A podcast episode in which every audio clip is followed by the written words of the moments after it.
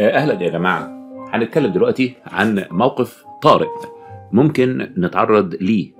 ممكن أكون أنا الشخص الوحيد الموجود في وقت أو في مكان في شخص تاني فقد وعيه في الموقف ده ما يصحش إني أضيع دقيقة واحدة أفكر هعمل إيه. لازم أكون عارف هعمل إيه. اللي هنعمله إنه لازم الشخص اللي فقد الوعي يفضل على الأرض. ما تحاولش تقعده عاوزين راسه تبقى على مستوى قلبه. ما تحاولش تقعده على حيله عشان الدم من القلب عاوزينه يوصل لمخه. آه، ممكن لو حبيت تحاول تقلبه على جنبه نص قلبك كده لكن لازم برضه راسه تفضل على مستوى القلب.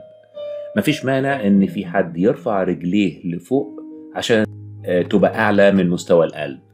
دي الحاجة اللي هي ممكن تعملها وتكون تساعد الشخص ده.